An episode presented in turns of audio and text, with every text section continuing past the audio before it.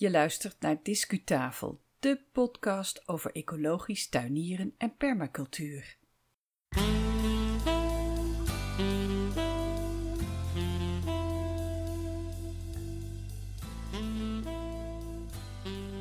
Hey, leuk dat je weer een episode hebt uh, gedownload van Discutafel podcast. Ik ben Yvonne Smit en ik maak deze tweewekelijkse groene audio. Dit is aflevering 69 alweer en vandaag is het 16 januari 2020. We gaan op stap vandaag, in tijd en in plaats. De tijd is mei 2019. De vogeltjes zingen, een briesje waait door de bomen. De plaats, dat is kasteel Doorwerd, een landgoed vlak bij de rivier. En bij de stuwwal. En dat is typisch een plek waar ik me onmiddellijk thuis voel. Ik ging daar naartoe voor uh, de historische groentetuin eigenlijk. Maar ik kwam terug met een audiobeleving over het historisch gebruik van het land rond het kasteel. Um, en dat komt eigenlijk, ja, een, het verhaal van een plek, als ik dat een beetje begin te ontdekken, dat vind ik zo interessant. Uh, het verhaal gaat uh, in, in de komende reportage zelfs een beetje over Hollands klassicisme en barok en zo meer. Dus we bewandelen heel wat zijpaadjes met discutafel. Maar deze zijpaadjes die, uh, die zijn toch wel interessant. Want vanuit historisch besef begrijp je beter waarom iets is zoals het nu is. En um, kan je ook proberen om het land zoals dat nu is, ook in de toekomst uh, te beheren op een manier die zo natuurlijk en duurzaam mogelijk is. Nou, die benadering die past uh, beter bij ecologisch tuinieren en permacultuur dan je misschien zou denken. Want een van de ontwerpbeginselen van permacultuur is namelijk observeer en handel ernaar. Enfin, dat is natuurlijk allemaal één groot excuus voor mij om jou een reportage voor te schotelen waarin ik me meer buiten zo'n groentetuin bevind dan daarbinnen. Laat maar eens weten wat jij van die aanpak vindt. En we stappen nu in de toverdoos van tijd en plaats. En we bevinden ons ineens op de voorhof van een heus kasteel.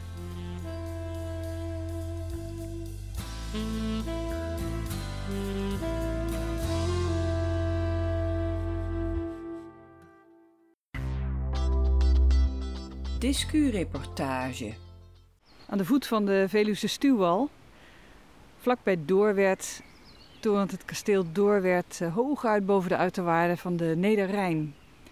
Het kasteel die heeft een, eh, een slotgracht, een ophaalbrug en een groot poortgebouw. En je ziet ook een koetshuis en stallen rondom een eh, voorplein. Het is echt een kasteel dat jong en oud zal aanspreken als je kijkt naar het uiterlijk. Zelf ben ik nog niet echt binnen geweest. Je kunt het wel bezoeken en rondkijken in de vertrekken binnen. Um, het hele complex kreeg in ongeveer de 17e eeuw zijn huidige omvang. Maar het is wel heel vaak verwoest. En de laatste keer gebeurde dat in de Tweede Wereldoorlog.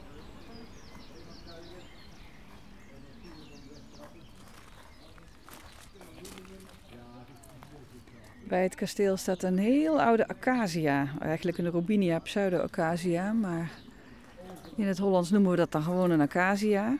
En dat is een uh, boom die al ruim drie, drie eeuwen eigenlijk op de voorhof staat van kasteel Doorwerd. En er zijn niet zoveel bekende bomen die we hier weten die uh, zo oud zijn in West-Europa. Um, vermoedelijk werd hij al geplant in 1678.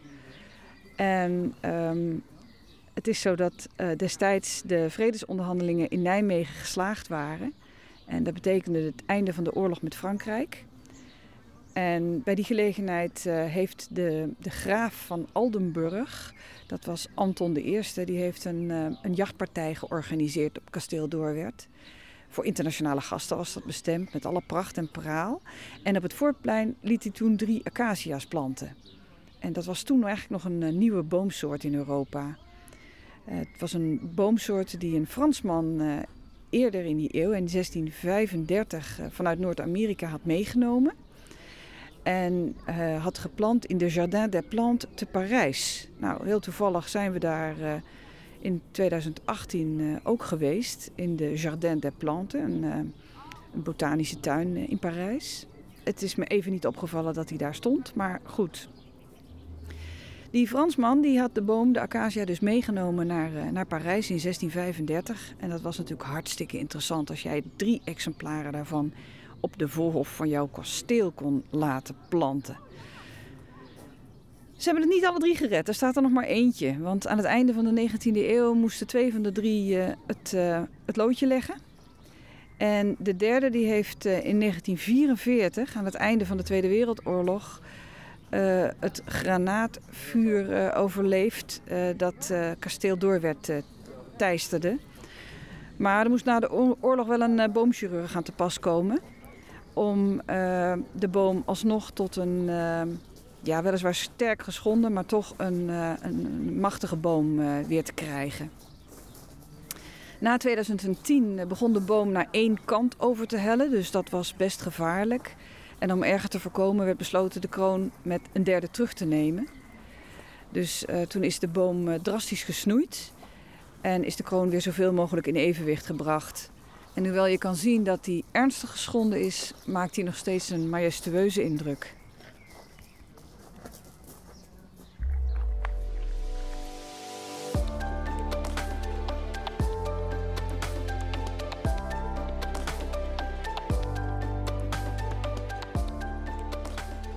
Maar waar ik eigenlijk voor kom, dat is, het, uh, dat is de moestuin van kasteel Doorwerd.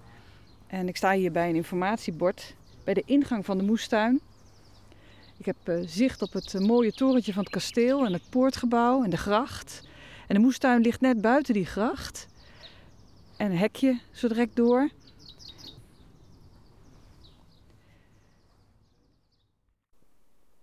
Ja, hier stoppen we de reportage even. En dan zijn we terug in de studio en duiken we in achtergrondinformatie over die groentetuin van Kasteel Doorwerd.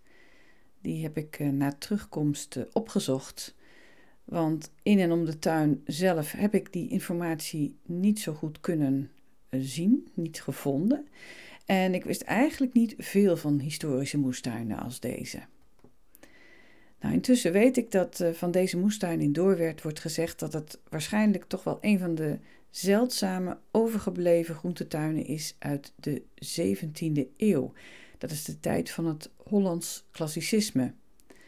Op veel andere landgoederen ging men na verloop van tijd over op barok en op uh, de landschapsstijl, maar zo niet hier. Er was gewoonweg geen ruimte voor die wilderige vormen, omdat de rivier even verderop stroomt. Eigenlijk ligt het landgoed Doorwerd in de uiterwaarden van de Nederrijn. Kenmerkend voor dat klassicisme uit die 17e eeuw, dat, um, dat zijn de vierkante vormen van de tuin en de grachten eromheen. Met uh, aan de binnenzijde, uh, eigenlijk aan de binnenzijde tussen de gracht en de tuin, uh, werden hagen geplant. Maar we weten niet precies hoe deze tuin op Doorwerd er bijna vier eeuwen geleden bij lag. Er zijn geen plattegronden van bekend. Dus ze hebben voor het huidige ontwerp gekozen uh, voor een eh, indeling met vier vakken, heel uh, symmetrisch, en twee kruisende hoofdpaden. Er zijn wel elementen aangelegd ter verfraaiing. Het gaat hier tenslotte om een tuin waar de kasteeleigenaar zo'n beetje op kon uitkijken vanuit het raam. Het mocht ook wel mooi wezen. Wat de beplanting betreft beslaat de huidige tuin eigenlijk enkele eeuwen. Het is, um, je kunt het eigenlijk zien als een soort museum van eetbare gewassen van de rijken uit die tijd.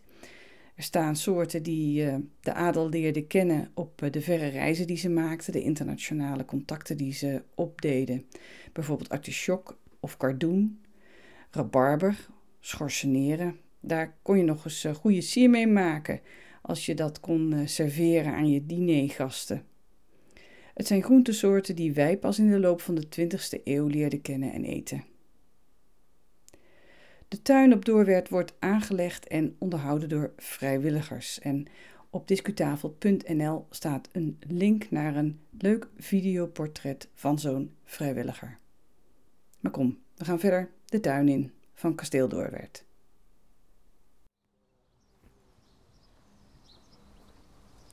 De moestuin eh, zelf is verder niet uh, voorzien van informatie voor de gasten, voor de bezoekers.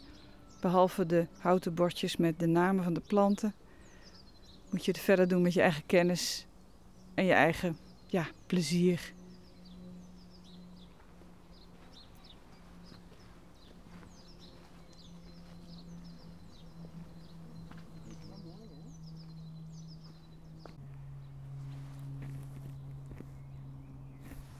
We maken ons rondje af door deze betrekkelijk kleine moestuin.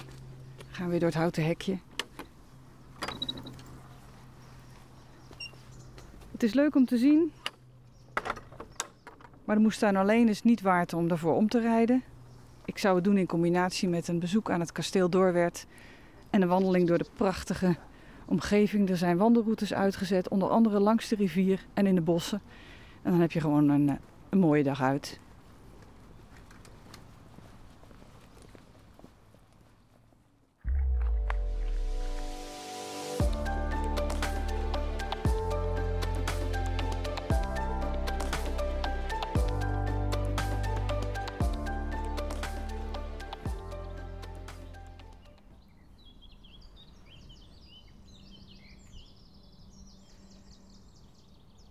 Sta hier op de dijk rondom de gracht van Kasteel Doorwerd.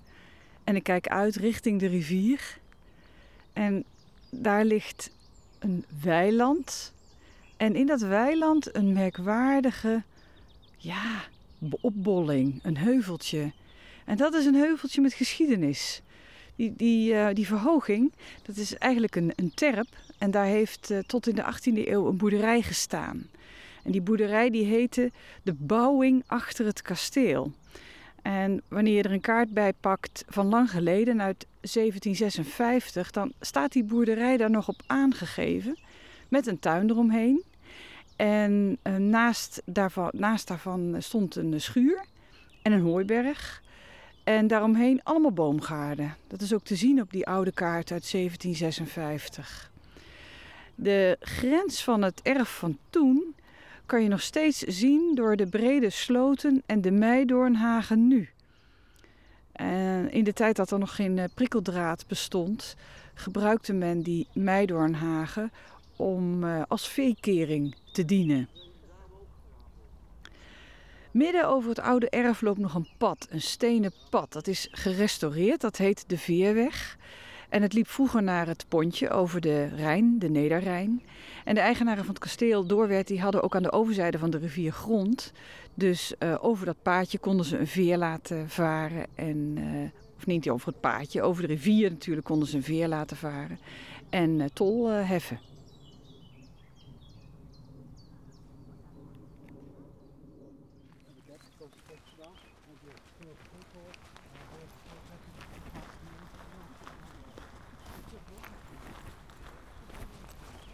De dijk is een geliefde route voor wandelaars.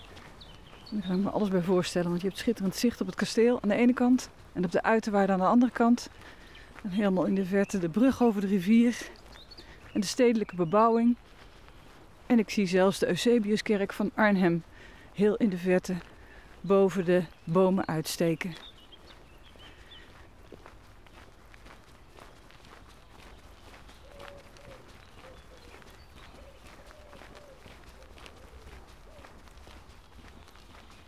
Zo'n verhaal als van die oude boerderij die er ooit gestaan heeft. De zichtbaarheid van de sporen in het landschap van zo'n oude boerderij. Ik vind dat geweldig. Om, om het landschap te lezen zoals mensen dat vroeger hebben gebruikt om er een bestaan op te kunnen bouwen. Die Meidoornhagen, dat paadje naar het veer, de terp of de restanten daarvan.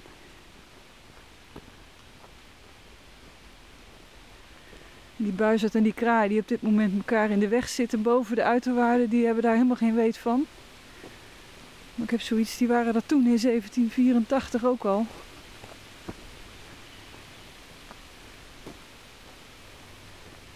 Evenals het ruisen van de wind door de blaadjes van de populier. De populier die niet voor niets populus heet, op zijn Latijn. Men zegt dat dat geritsel van die blaadjes refereert aan het geklets van het volk op de markt. En dat de boom zo aan zijn naam is gekomen.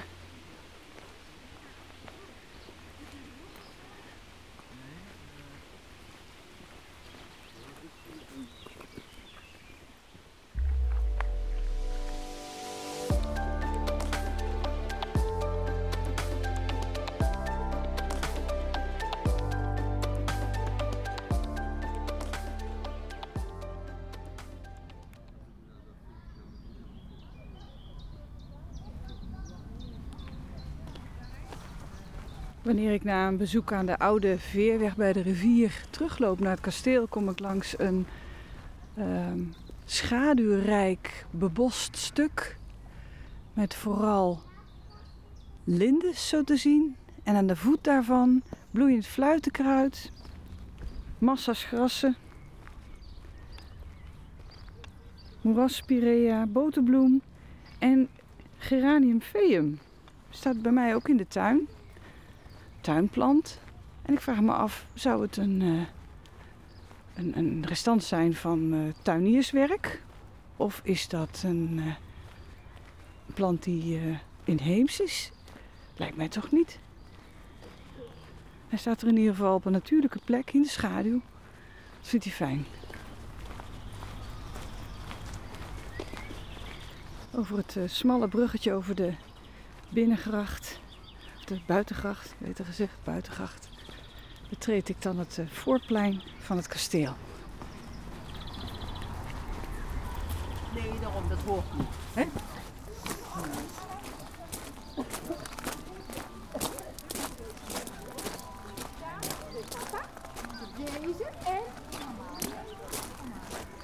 En daar zie ik hoe een schone jonkvrouw onder begeleiding van middeleeuwse muziek les aan het geven is in middeleeuwse dans. En een schone jonkheer geeft toelichting kennelijk. Beide prachtig verkleed.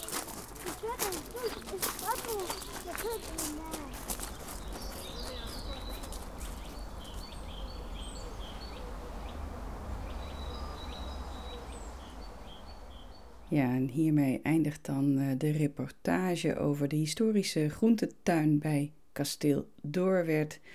Een reportage die prettig uit de hand liep in de vorm van een rondwandeling over de dijk met uitzicht over de uiterwaarden. Ik hoop dat je van deze sfeervolle, in de lente opgenomen reportage hebt genoten. Discuslot. Tot zover deze aflevering van Discutafel Podcast. Dankjewel voor het luisteren. Reacties zijn en blijven welkom, evenals ideeën Misschien weet je iets leuks voor een reportage of voor een vraaggesprek in Discutafel Podcast. Ga naar onze website discutafel.nl, daar vind je onze contactgegevens. En je kan ons natuurlijk altijd opzoeken op social media. De volgende aflevering is Engelstalig en die gaat over Dutch wetlands. Dit in verband met Wereld Wetlands Dag op 2 februari. Wij wonen hier in Nederland met z'n allen in één grote rivierdelta. Behalve die rivieren heb je natuurlijk ook de Waddenzee, de Friese Meren, de Brabantse Vennen. Nou, dat is een, een leuk verhaal, denk ik, voor onze internationale luisteraars, maar hopelijk ook voor jou. Want wat betekent die ligging van Nederland in die rivierdelta? Wat betekent dat voor jou als groenliefhebber, als tuinier? Ik ben die podcast nu aan het samenstellen en het belooft een bijzondere aflevering te worden. Er ligt al veel te veel info klaar. Ik zal moeten kiezen. Ik hoop je tegen die tijd uh, in ieder geval weer uh, te treffen. Die podcast kan je beluisteren vanaf 30 januari. Ga intussen lekker naar buiten. Graag tot de volgende keer.